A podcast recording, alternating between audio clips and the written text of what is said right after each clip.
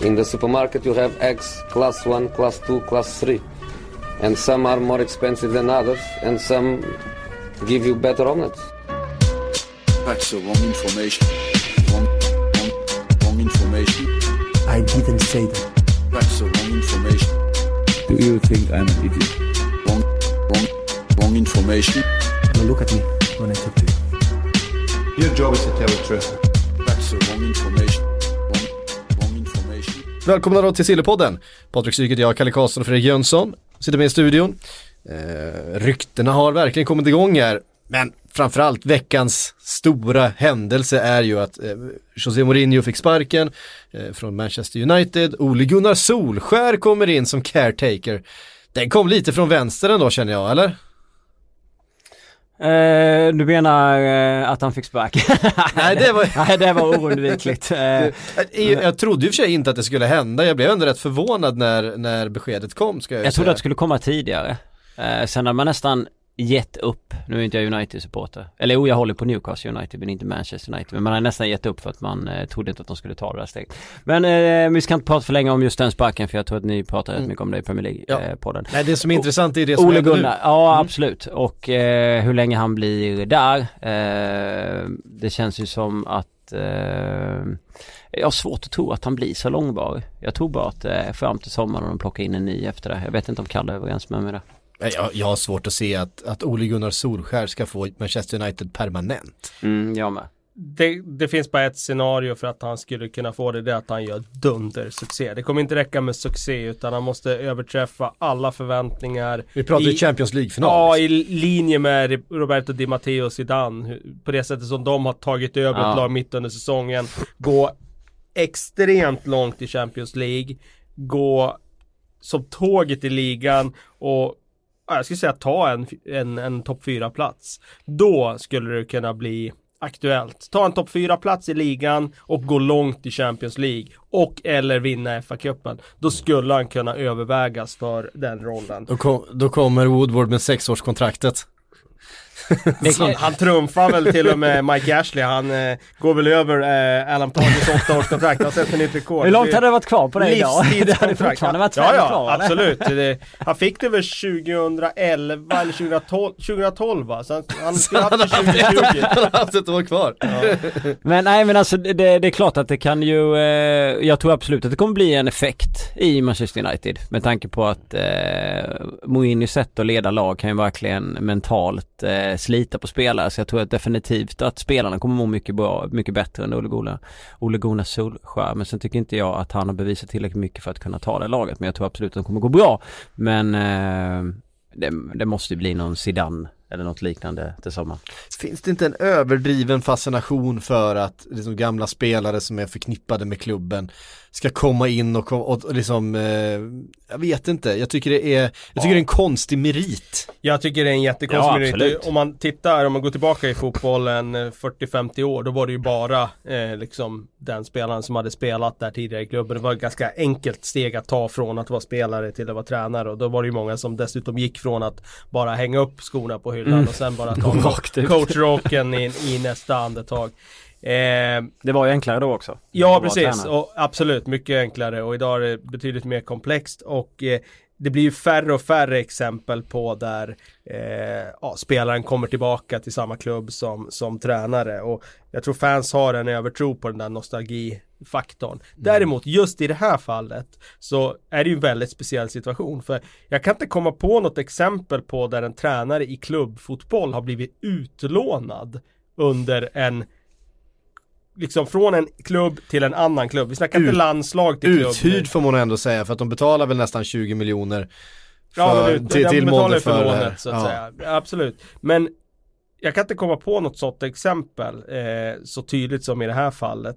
Eh, och han har sex månader nu där kraven är ju väldigt begränsade. Alltså det finns ju ingen större kravbild på honom. Man kan ju göra eh, i princip vad som helst. Och det jag menar med det är att om om det inte går något bra för Solskär nu, då kommer det i alla fall heta att ja men han tog ju över en trupp som var Ja. liksom mentalt nere efter Mourinho, vad skulle Han han, inte göra? göra bort det? han sig. kan inte göra, Nej. det liksom finns inget scenario, det är klart om de förlorar varenda match då kommer han ju stämplas som ett fiasko och liksom att han inte lyckades eh, göra någonting men eh, jag kan inte se att han skulle kunna misslyckas med den skickliga trupp som de faktiskt har. Och jag tror att eh, för att bara gå in och göra det här temporära jobbet, då tror jag det finns en poäng i att ha en före detta spelare som fansen gillar. För han behöver ju bara, hans uppdrag är ju att få tillbaka någon slags feelgood faktor till liksom arenan, publiken, klubben, eh, spelarna inte minst. Och det, då tror jag det finns en poäng i att ta en, en good guy från, eh, från de egna leden så att säga som har varit tränare i klubben tidigare i reservlaget eh, och sen kommer tillbaka med all den här eh, så goodwill-faktorn som han tar med sig i och med att han var så älskad som spelare. Mm. Kommer han styra allting tror du? Jag tror att han kommer vara manager som Sir Alex var. Det är ju det som är grejen med Solskjaer. Att han, han gillar ju managerrollen. Han är, Mm. Han är inte så mycket hands-on nere på träningsplanen utan och där har han ju fått med då Mike Phelan som Mm. eh, ass. Vilket Den är känns viktigt. väldigt viktig. Ja Eh. den eh, känns ju som en bra, bra grundpelare. Och jag tror också att när han har dessutom Carrick då och McKenna Mm. som assistenter så tror jag att de får ihop ett ganska bra team där. Det han kommer att vara, jag tror att han kommer försöka vara liksom som Sir Alex var. Det vill säga inte hålla i någonting i form av träningar utan bara vara manager, ta ut laget, man management, bestämma hur de ska spela, vilka som ska spela och vara liksom den som eh, egentligen bara eh, Big Brother står och tittar vid sidan om och det, det tror jag kan passa i det här läget. Mm. Um, ja, men alltså den, här, den här fascinationen också, det är ju också väldigt typiskt engelskt det där med att gamla legendarer, jag såg att det var jag läste en krönika med någon som tyckte att Steve Bruce Ja, och Mark ja. Hughes skulle teama ihop och tänka, Alltså Mark, det är alltså, det är ju så- ja, det- ja, Paul Ince så- var det ju. Ja, Paul Ince Jag- var det. Alltså jag, jag garvade ihjäl mig när jag såg det, för det är så typiskt England. Ja. Det är som att, säg det inte, säg det inte, säg det inte! Jo, det, det, han sa det. ja. Steve Bruce och Mark Hughes, de, he can, he knows the club inside out. Det är liksom, det är den enda liksom meriterade grejen som räcker för Paul Ince att tycka att Steve Bruce, han, han har varit lagkapten där tidigare och liksom så här. Vad Jo, gör Steve Bruce idag? Han, eh, Han fick väl gå därifrån. Jag förstår inte att de kan ha jobb. Mark, jag fattar inte att han kan ha jobb fortfarande. Nej, jag tror Steve Mm. Bruce eh, tror jag i och för sig är en eh, okej tränare men Men inte det- Mark. inte Nej, längre. Mark inte längre, nej inte längre. Jag tror att eh, där har nog tiden sprungit ifrån- förbi lite. Men eh, det roliga är ju just att de har sån extrem övertro på det där liksom. Mm. Gamla brittiska skolan och eh, han har, han kan klubben och He liksom- knows the League är också en sån här Ja. klassiker. Precis som att det är sån jävla skillnad mellan de europeiska toppligorna då. Framförallt om du ska ta över något av topplagen. Ja men det är klart, eh, han, kan ju Premier League liksom. Men säger att du ska in och träna Manchester. Pep Guardiola kunde inte Premier League. Det var rätt bra ändå. Och det var de Visst, som... men, men det eh, finns väl någon slags poäng i det eftersom Pep ändå sa efter första säsongen där att han blev förvånad över hur mycket andra bollspel och sådär det var i Premier League att han liksom lärde sig av sin första Han är så säsong pass i bra. Absolut, tränare, så men jag de tror, inte att, jag tror inte att Manchester City hade haft mer nytta av att plocka in en Steve Bruce om man säger så, bara för att han det kan hade de ligan. inte, Nej. såklart. Det, det är liksom inte ett, ett eh, jag menar en, en, en tränare kan, väl, kan ju lära sig precis som alla andra och då vill man ju ha den, eh, den bästa, det är en sak om man som i det här läget, när vi har sett liksom tränare ta över eh, bottenlag, ska kriga liksom i en bottenstrid och rädda ett nytt kontrakt, alltså Allardyce-rollen liksom att komma in. Det är ju inte det som händer i Manchester United Nej. där. Det är inte någon som ska gå in och bara strukturera upp ett försvar, eh, kriga till sig 15 poäng för att, för att eh, under en eh, vår liksom för att hänga kvar. Det är liksom inte det som ska hända här. Jag tycker det är kul med Solskär för att ehm, det är ju några år sedan. Det är inte jättelänge sedan han gjorde sin mål men det är ändå några år sedan och sen har han ju inte ett jättefett CV som, som tränare så det är ändå ganska kul och, Vi har gjort det bra i Molde ändå. Ja men man hade velat vara med hur spelarna reagerar på det. Har spelarna koll på hur funkar det i har, har Pogba omklädningsrummet? hört talas om Ja, men alltså, Ole Gunnar Solskär? Sånt är ju ändå kul. Sånt hade man ju velat veta. Nu är det inte säkert att det kommer vara jättemycket men jag tror att med engelska tidningarna kommer väl absolut eh, antingen hitta på ett och annat eller liksom gräva i det där.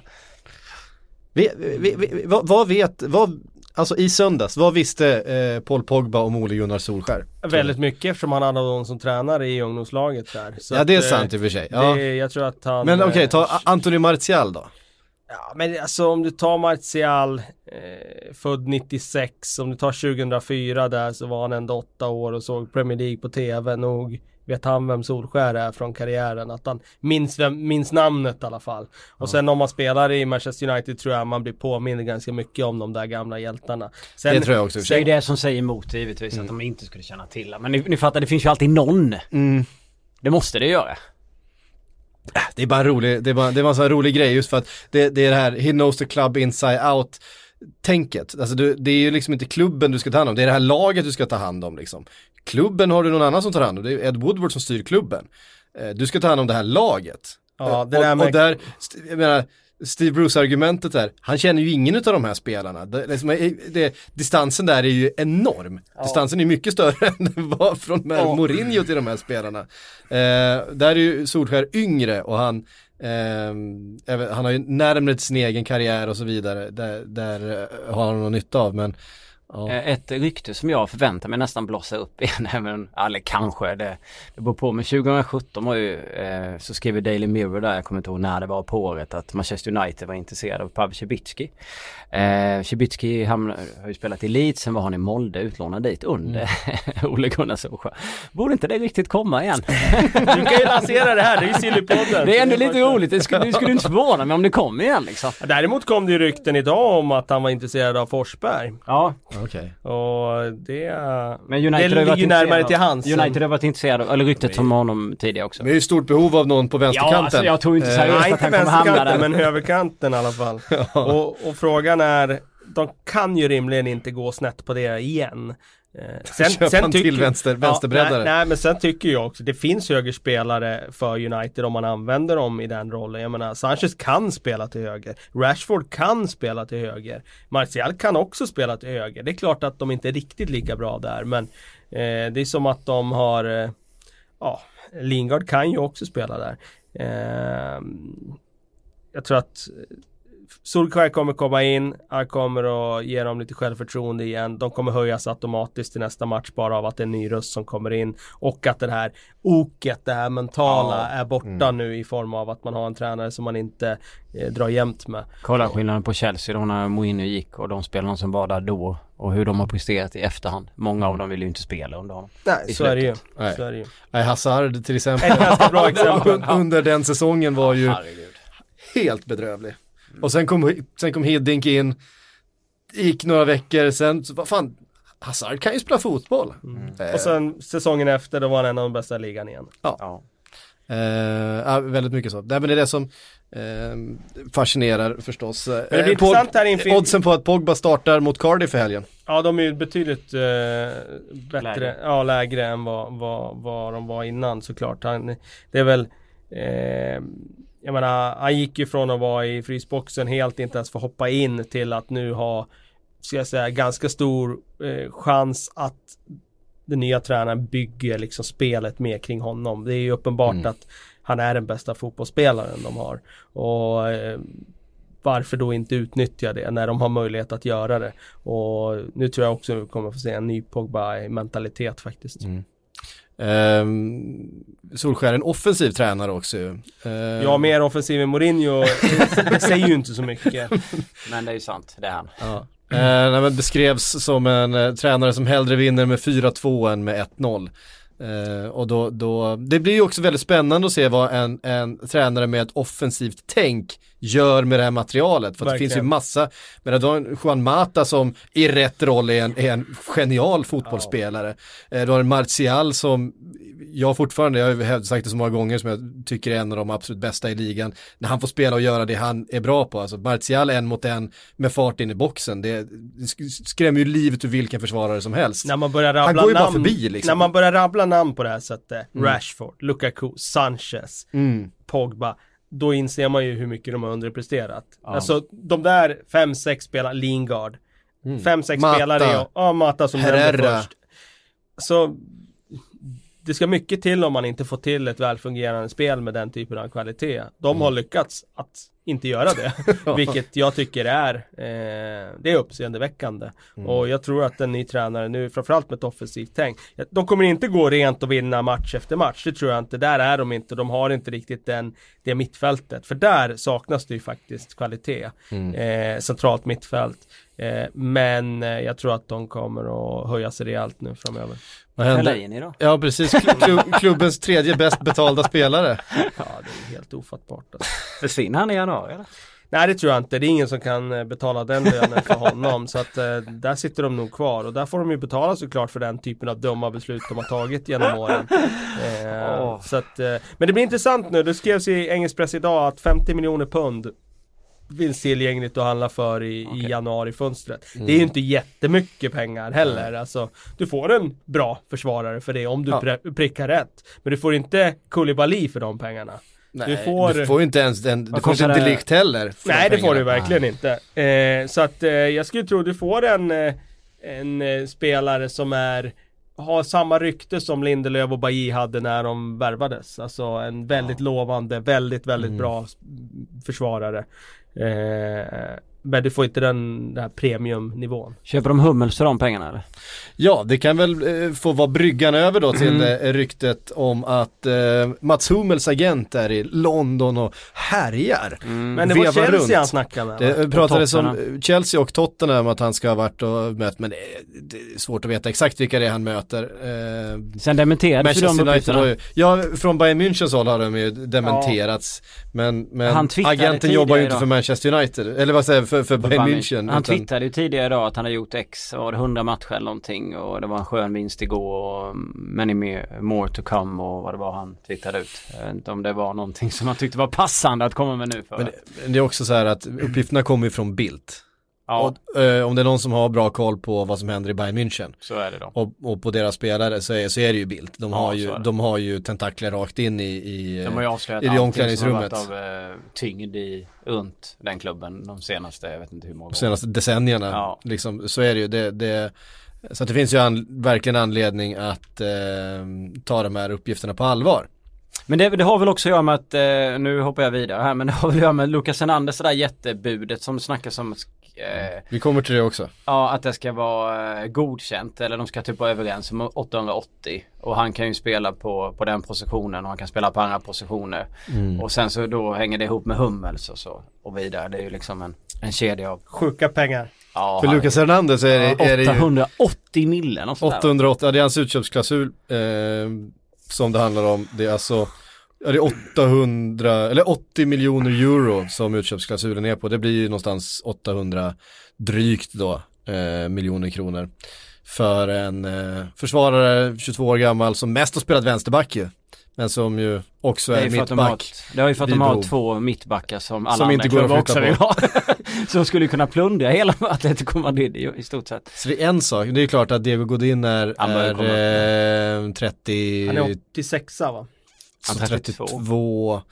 Men det är ändå, det, jag hade ju förstått om någon hade hostat upp eh, 800 miljoner för, för den spelaren. Säg att Manchester United hade gjort det nu för att nu ska vi lösa situationen för de närmsta två, tre åren. Det är mycket pengar för en 32-åring. Jiménez däremot hade ju varit mitt smartare. Jiménez hade ju varit mer naturligt att Ja, lägga stora faktiskt. pengar Vad är på. han, 20? Ja men Han är 25 ung. säkert. Ja, någonstans där. Mm. Det hade det, 800 miljoner för honom hade Ja, inte- det är sant. Ja Mm. det hade ju varit, eh, han har det ju ett gäng år. Han är väl, ja han är 25, 24. Ja, 23 är han. 23. Fyller 24 om en månad ja. Ja så det är ju, det är ju en kanon. Godin, eh, han borde man Ja, kunna... det det- det har 500 rykt- det har ju ryktats så mycket Du om Godin genom åren. Få Godin för 500 eller? Ja det får du. Det får du. Det är bara om han vill ålder, eller inte. absolut. Jag tror inte han är speciellt Nej, sugen. det tror inte jag. Eh, Förmodligen inte. Bor i det Madrid och, eh, ja. Är en av världens bästa backar fortfarande, tycker jag. Ja det är han, Eh, definitivt. Helt Framförallt otroligt. när han får spela i Atletico med deras låga försvar och så vidare. Mm. Står nicka undan. Mm. Eh, nej men det är nog troligt där att, eh, att Hummels kommer vara på glid och att han kommer att liksom vara lockbete för en del klubbar. Och sen är det ju den som erbjuder bästa lönepaketet Mm. och, och så vidare och lyckas locka honom. Jag tror ju att Chelsea kommer vara intresserad av att förstärka sitt försvar. Och Mm. jag tror inte kanske nu i januari men sommaren då, då kan det vara högaktuellt. Det har ju ryktats en del om Christensen. Eh, pratas en del om att han är missnöjd med sin situation. Det kan man ju Eh, förstå, han spelar ja, inte nu, han spelar väldigt mycket förra säsongen. Känns kanske inte som att det här är en typ av eh, mittförsvarare heller som Sarri. Han, är inte, han känns inte som den spelande typen, han känns som en, en, eh, en back som passar bättre för ett lite lägre försvar. Stå och nicka bort bollar, eh, vara var, var stark och följsam och positionssäker sådär. Det känns som att de misstagen man har sett eh, att han har i sig, det är när han, det förväntas för mycket av honom med bollen. Eh, det kan ju ha med åldern att göra också, att han är ung och lite orutinerad och, och sådär. Men eh, eh, han har ju inte fått något förtroende hittills för, från, från Sarri och eh, Kommer nog inte få det heller, känns som. Nej, samtidigt kom det då rykten om, eller kom eh, besked idag då om att Chelsea inte kommer lyssna på några bud på, på Christensen under januarifönstret, inte lånebud heller. Kanske för att man eh, känner att man är lite tunna då, att man vill liksom inte eh, bli för få backar helt enkelt i truppen eh, som, som har A-lagserfarenhet. Eh, men det är väl framförallt av den anledningen tror jag, inte för att Sarri har en plan att spela in honom under våren. Den, den känslan har man ju inte fått.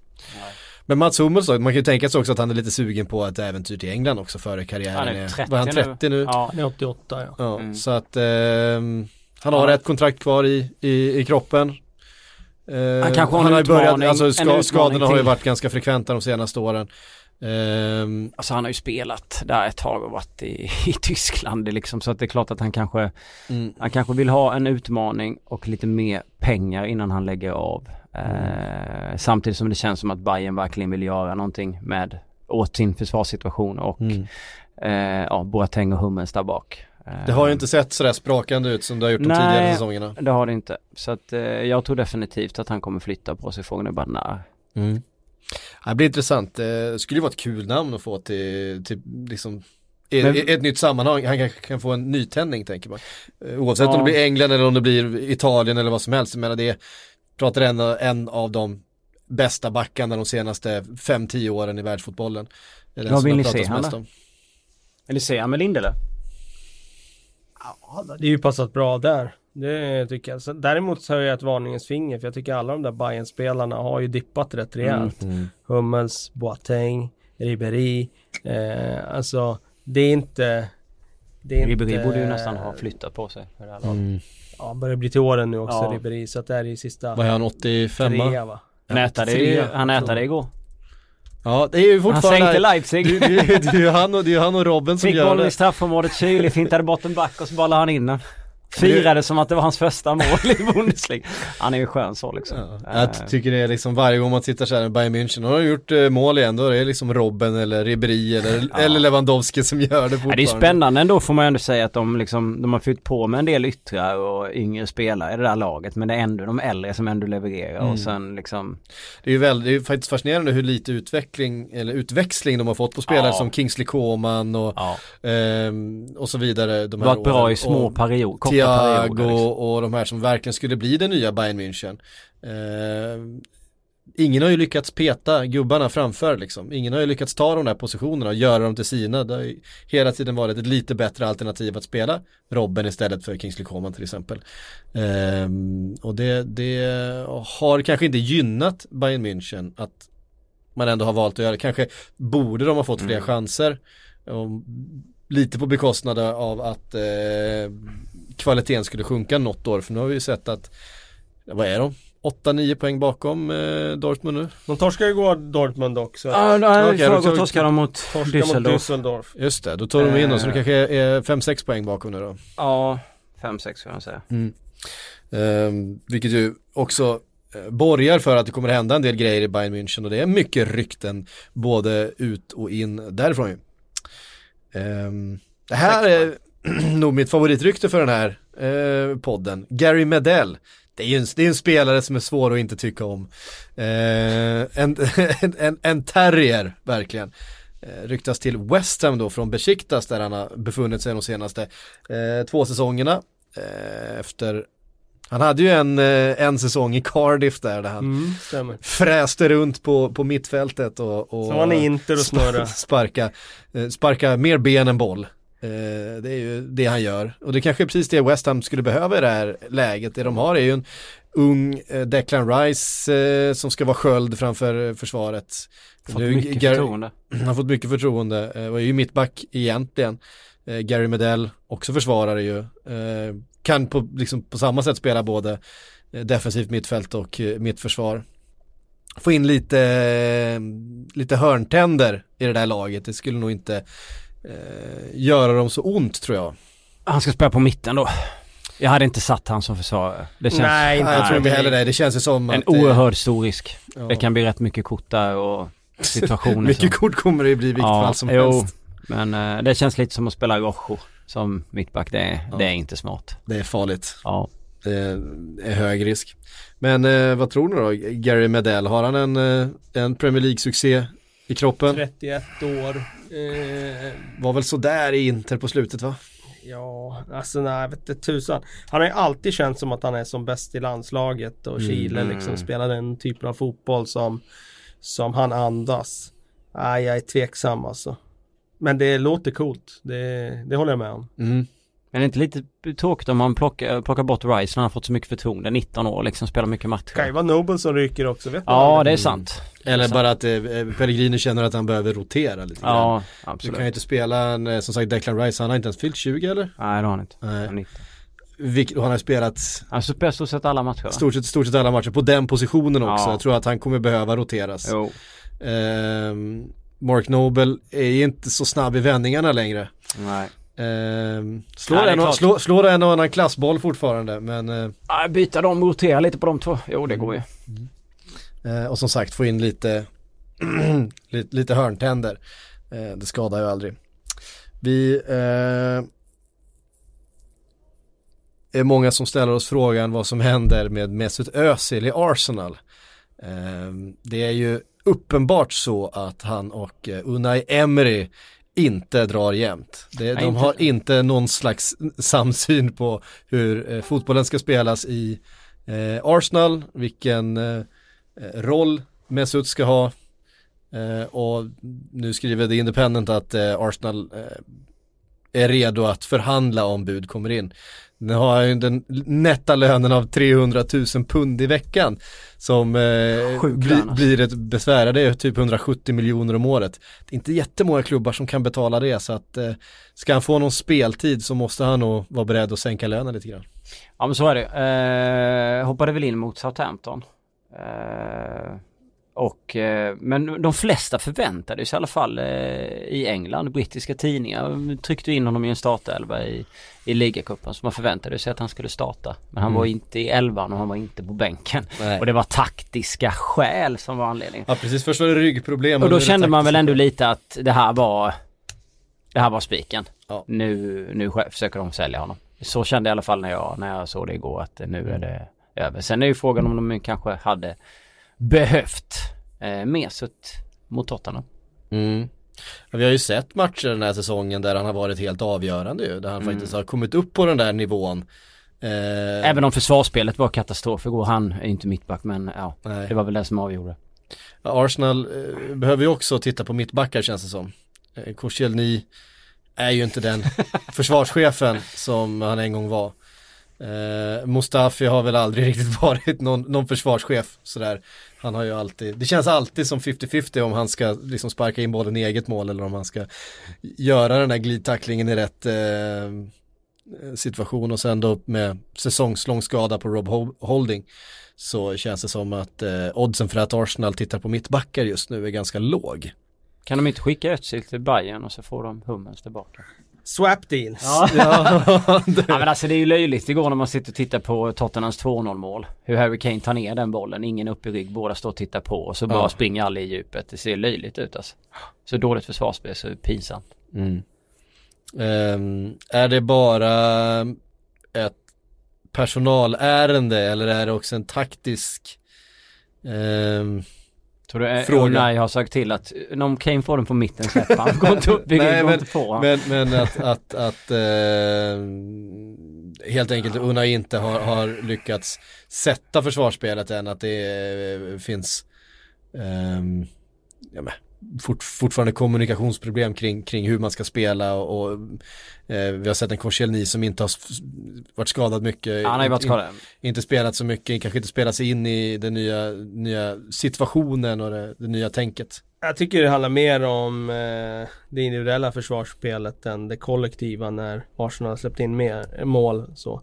Eh, jag tycker det ligger mer på eh, Individnivå. ja, individnivå faktiskt. Så att, eh, det är ju uppenbart att de behöver förbättra sin, eh, sin försvarsuppsättning om den ska kunna tangera den offensiven de har.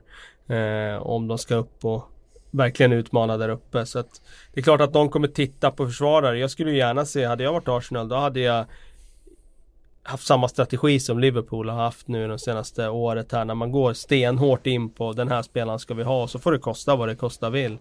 Van Dijk till exempel, ja men då ser man, då har han styrt upp hela försvaret. Mm. Arsenal kanske också skulle göra det på en mittback nu att ja, men vi går all in. Vi ska ha den här spelaren och sen får det kosta. Sen om miljarden det- på Koulibaly Ja liksom, men typ sen så, det är det jag menar alltså. Sen är en miljard det är väldigt mycket pengar men Alltså kan man få en spelare för 600-700 miljoner Det är bättre än att köpa de här halvdana för 250-300 som man ändå Mm. måste lägga nu och så blir det i alla fall inte något bra.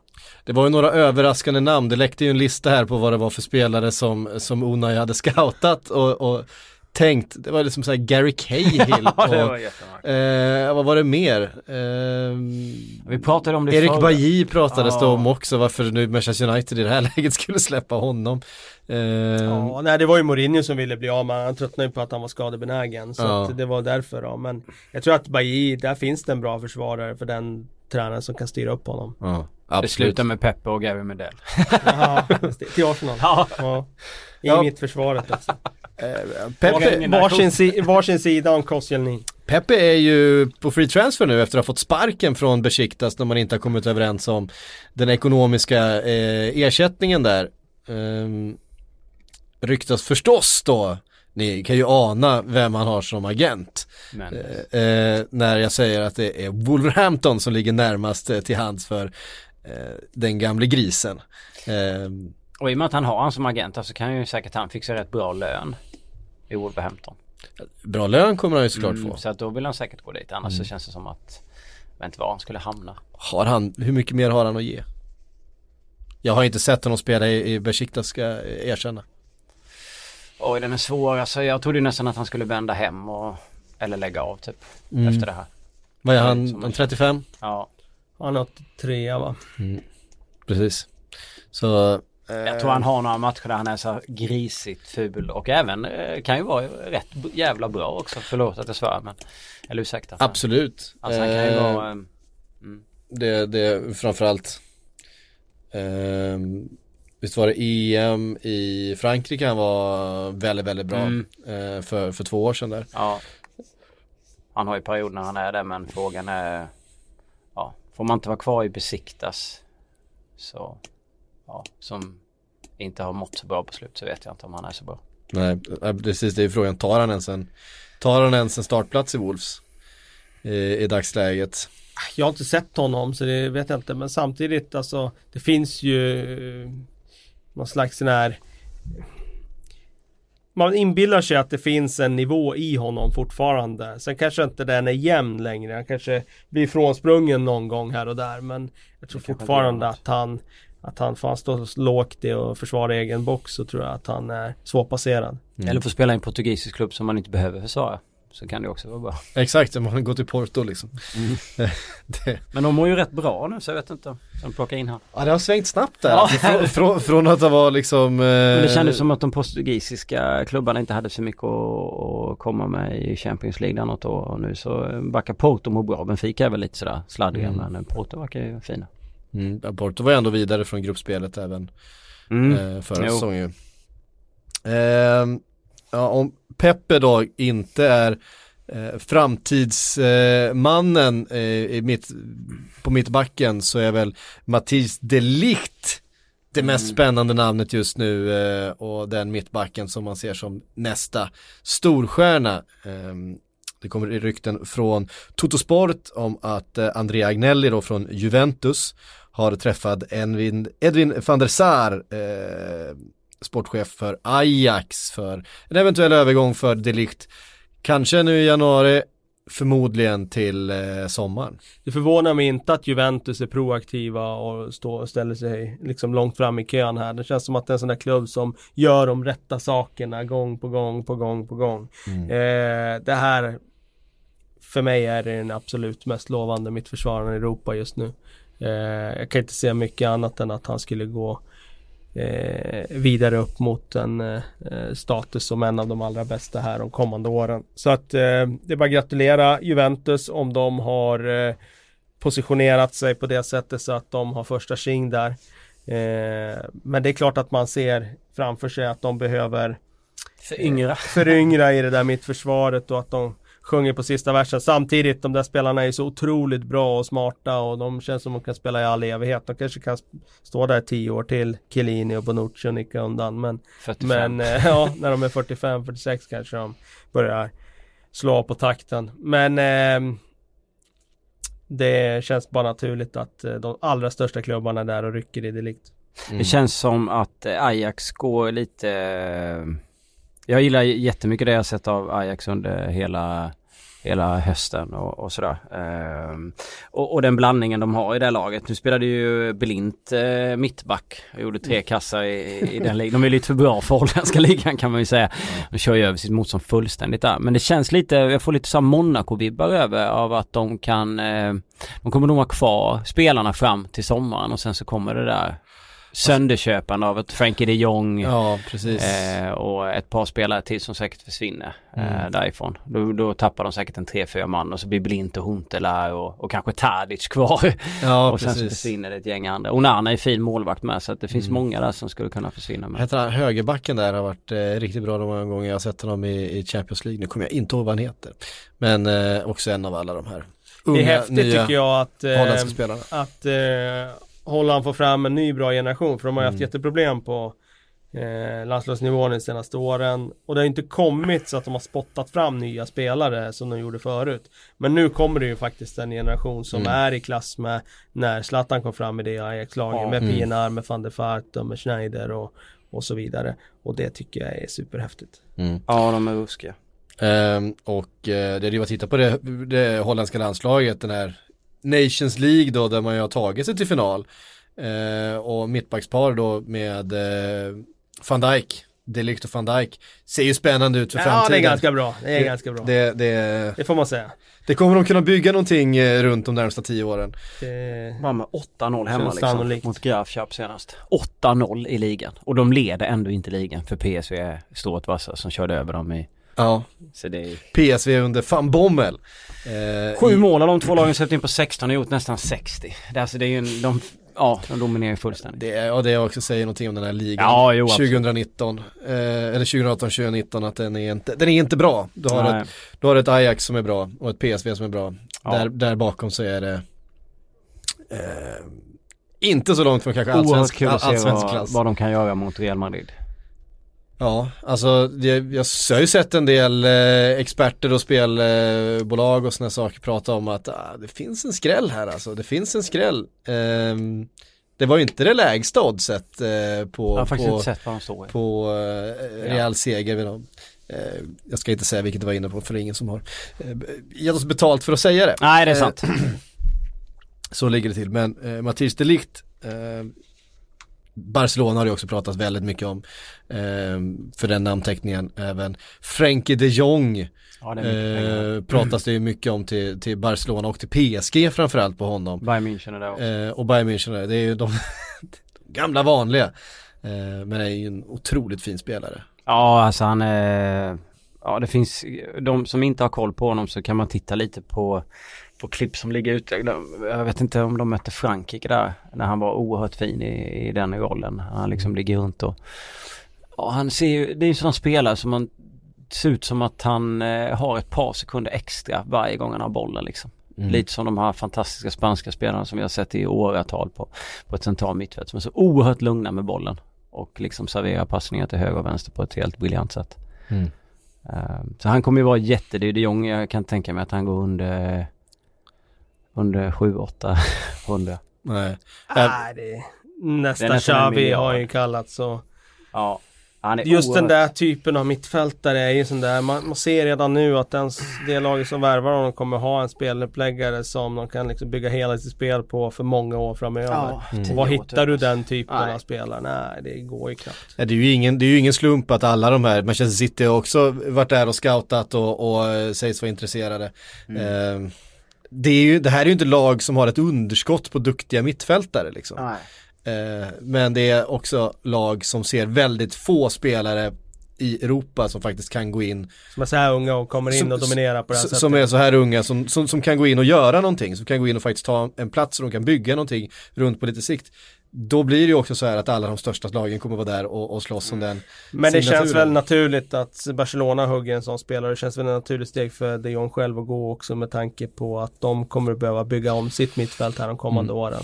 Med tanke Det- på att de har tappat eh, Iniesta nu då eh, och eh, Busquets, eh, ja han har ju flera år kvar på toppnivå men det är väl inte omöjligt att han kanske också tittar efter ett nytt äventyr snart.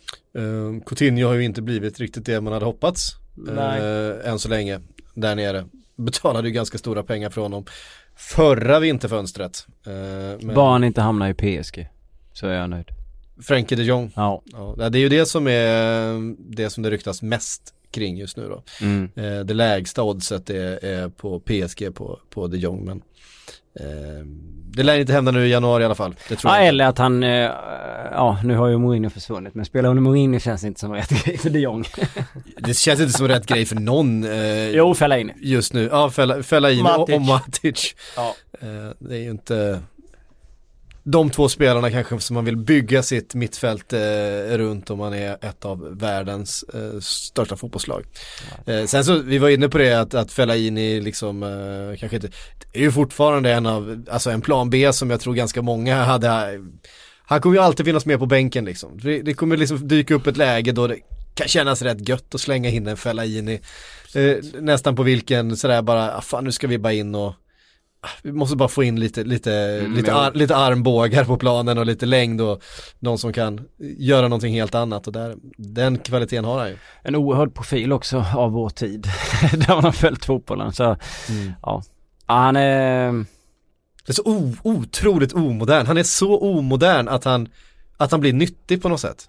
Det är, han, har ju, han har ju en bolltouch med fötterna som eh, lämnar en del i övrigt att önska. Eh, inte bara en del. Men han har, han har ett, ett, han är ju bäst i världen på bröstet. Ja, det, det är han nog.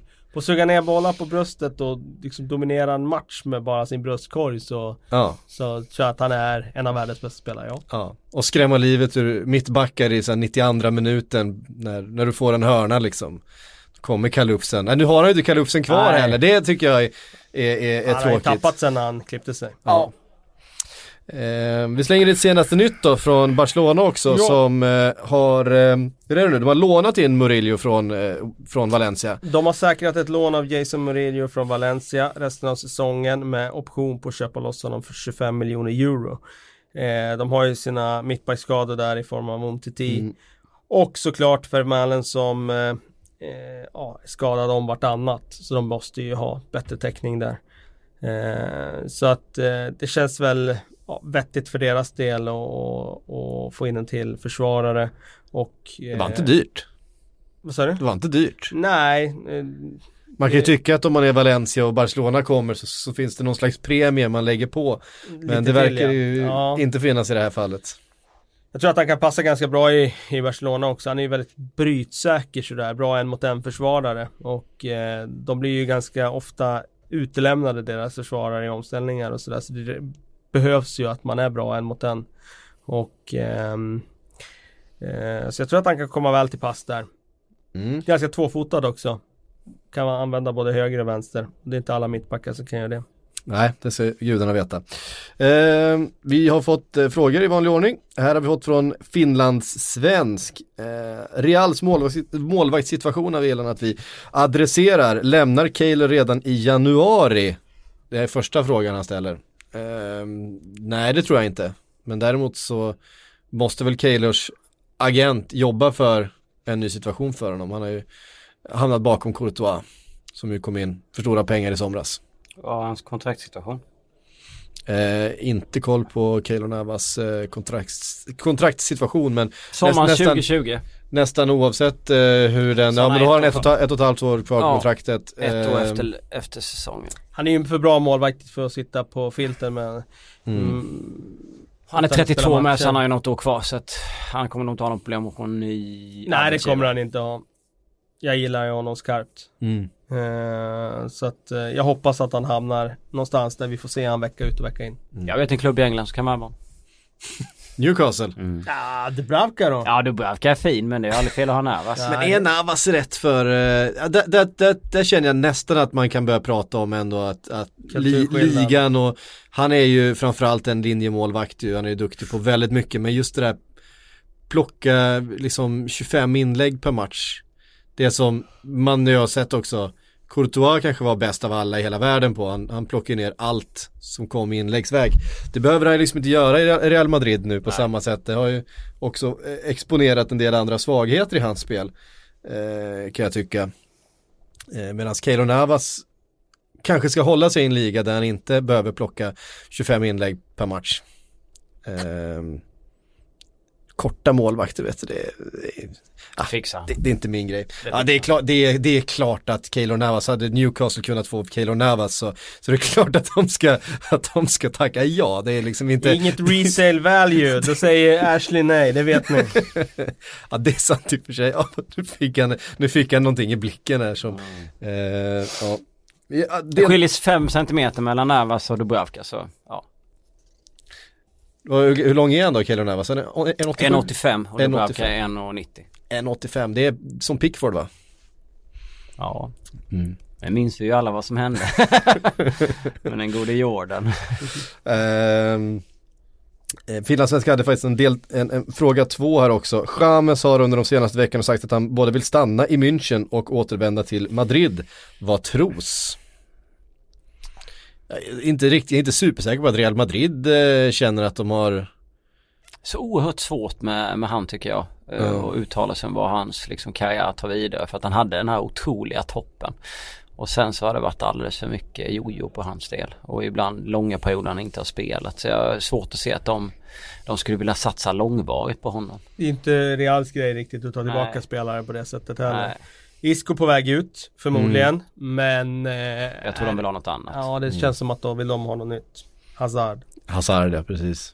Eh, som ju, som ju har, som ju har följt Real Madrid länge som han sa. Och så sa han inte så mycket mer. Ja, eh, men det blir perfekt där med Hazard och Mourinho i en double deal tillbaka där. Så får vi se om det slår gnistor om det paret nästa gång de träffas. Jag kan säga att om, om Mourinho går dit så är vi rätt säkra på att Hazard inte kommer eh, ta samma väg. Det har ju faktiskt pratat om eh, att eh, Real Madrid ska vara intresserade av att plocka tillbaka Mourinho. Jag, jag tror inte på de Nej, uppgifterna. nej. alltså. det känns tror som inte heller på det. Ehm, det är klart att de är på marknaden för en ny. Jag skulle bli chockad om, Manager. om man fick en, eh, en sån, alltså storklubb igen. Få träna en sån klubb efter det han gjorde i United. Det känns som att han ska gå ner ett par steg. Ja. Eller flytta hem till Portugal där han har eh, säkert möjlighet att få någon av de stora klubbarna. Alltså hem till Porto eller ta portugisiska landslaget. Ja, något, något i den Mm. stilen. Ja, vi, vi spekulerar också kring, kring Qatar. Sparka inte tränaren så blir det ju alltid. Han tar Qatar till VM eh, om fyra år. Ja. Det är så mörkt. Eh, Oskar Gulstad har skrivit eh, nyckelspelare som saknas i Arsenal. Som supporter saknar jag en riktigt bra winger. Antingen till höger eller vänster. Har ju ryktats om Pepe från franska ligan men kan inte mycket om honom. Även en mittback av kvalitet. Men vem? Ja, mittbackar pratade vi om tidigare eh, att eh, Unai Emery har eh, en del udda namn på sin lista. Ja, han har lite udda namn. Men det är väl där eh, man vill se någon. Det är väl inget snack om saker. Men det är svårt att sitta och bara... Det vore ju, vore ju trist mot uh, Iwobi som har haft en sån eh, liksom på nytt födelse under Unai Emery här. Skönt självförtroende. Eh. Han visade under perioder igår med. Ja, lite Ja. över mod. Ja, ja, faktiskt. eh, men jag menar, det är ju, han har ju varit väldigt bra Mm. eh, den, här, I perioder. den, här, den här hösten. Mm, Eh, i perioder. I perioder, ja. Eh, ja, det var lite knäckande för en sån kille om det nu skulle, säga att det skulle köpas en, en ny winger, stoppa in och så. Är han tillbaks eh, på bänken och får spela ligacupmatcher och lite FA-cup och göra inhopp eh, vid underläge 3-1. Eh, sådär, det, det, det hade kunnat knäcka en sån kille tror I jag. min bok är det givet att de ska göra något åt eh, försvarssituationen. Det har man sagt i många år men nu, ja, Mm. nu är det dags. Men behöver, behöver Mesut Özil ersättas då? Han ska ju uppenbarligen inte spela för uh, Unai, men behöver de någon annan kreativ kraft centralt? Eh, nej, alltså nu om de spelar 3-4-3 tycker jag inte de behöver det. Då behövs ju de kreativa rollerna egentligen i den där trean längst fram. Men vi får se här hur han vill bygga det hela. Eh, jag ska inte säga att de behöver en ny den typ av tia. Eh, det ska jag inte säga. Men eh, jag hoppas att de sätter prio på försvar. Mm. Och sen om de får några slantar över så köper de in Isco med. Ja, vart ska Isco? Vart hade ni velat se honom? Blir det inte något så här PSG eller något sånt där för honom då? Blir inte det? Men ja, jag Är det inte så här typiskt? Ja, men De som har pengar och kan göra av med dem och liksom det kan ha och mista. rycker lite på axlarna. Ja. De har sina Mm. Draxler och Di Maria och Neymar och Ja, men liksom, Cavani de och till. Mbappé. De kan ha en. Ja men alltså de kan det är ha en till, men det är ju fan Isco. Det är liksom Det är inte vilken jävla dussinspelare som ska helst. inte vara intresserad av det enligt de senaste uppgifterna. Nej, det tänkte man ju nästan med tanke Mm. på Absolut, det var ju det första man tänkte på. Ja, Mm. Nej, jag vet inte riktigt faktiskt. nej, va, va, vart, vart skulle en Ba Alltså Bayern han, då? han, ja Bayern kanske, han har ju uppenbarliga liksom brister i sitt spel också har man ju sett, det är ju inte den den, eh, den hårdast försvarande eh, offensiva mittfältaren som vi, som vi har sett. Det, det känns ju som att en del av de här tränarna eh, har en hel, ganska stora defensiva krav på, vet, på hela sin, sin det, det, liksom, det finns kanske inte så många platser där eh, du får ha Isco-rollen, eh, glida runt och Sen frågan vad, vad eh, kräver Glida de? runt, det låter som att Men han är en eh, Vad är summan liksom? Barotel, det är han ju inte. Prissumman på han? Ja, det är ju det är också- avgörande också. Jag tycker att han ska kosta en miljard liksom. Mm. Jag Då får man räkna är- bort väldigt många klubbar. Ja men så är det ju och det tror jag vi får göra ändå. Jag tror inte att Isco själv känner att han ska En miljard? Jag tror inte att Isco känner att han ska, ska, spe, ska, ska spela i Roma liksom.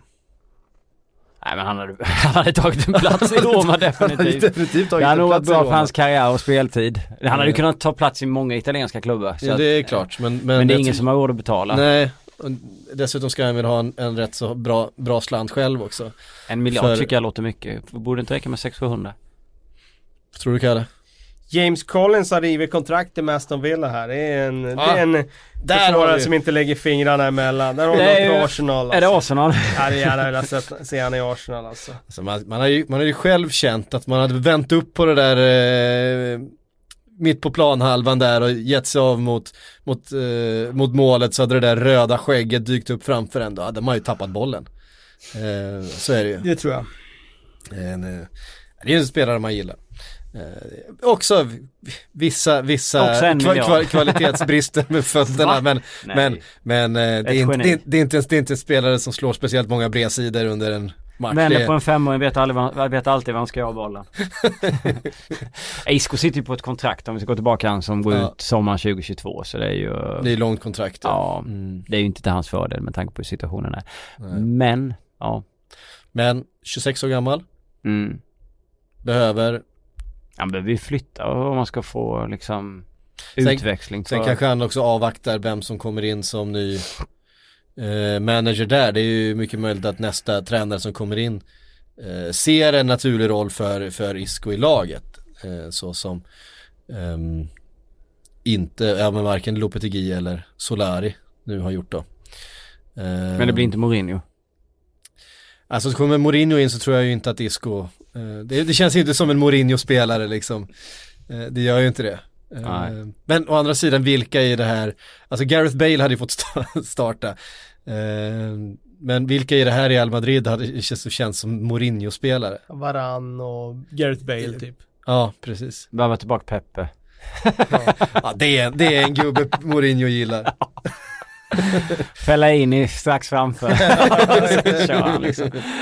Och Gary Medell, sen är man hemma. Men det, sen är det bara ut och, ut och täppa till. Jag kan inte sluta tänka på alla spelare han har haft som han bara skickat iväg som nu, ja, som han har sålt som sen har blivit liksom Erövrat världen. Salah, De Bruyne, alltså det finns ju, ja det är, ja. Ja, ehm, mm. Så är det. Så är det, där hade ni eh, transfermarknaden eh, den här torsdagen i december. Eh, nu är det snart julafton hörni. Underbart. Eh, ja, så att Silverpodden önskar god jul och god fortsättning. Så hörs vi eh, här framöver. Vi får se när eh, nästa avsnitt dyker upp. Eh, Fönstret öppnar ju första januari. Eh, då, då tar vi ju tag i det här på allvar eh, lite grann kan man säga. Då sitter alla och käkar pizza och trycker på FM på datorn för att se vad som händer. Om det kommer nya rykten hela tiden. Precis. Men vet ni inte vad ni ska göra i jul? Så ska ni förstås lyssna på Mordet på Juliette. Vi har en ny krimserie eh, på gång som kommer ut här i helgen. Den har jag eh, strikta order om att eh, tipsa om. Kalle, jag vet att du är sugen.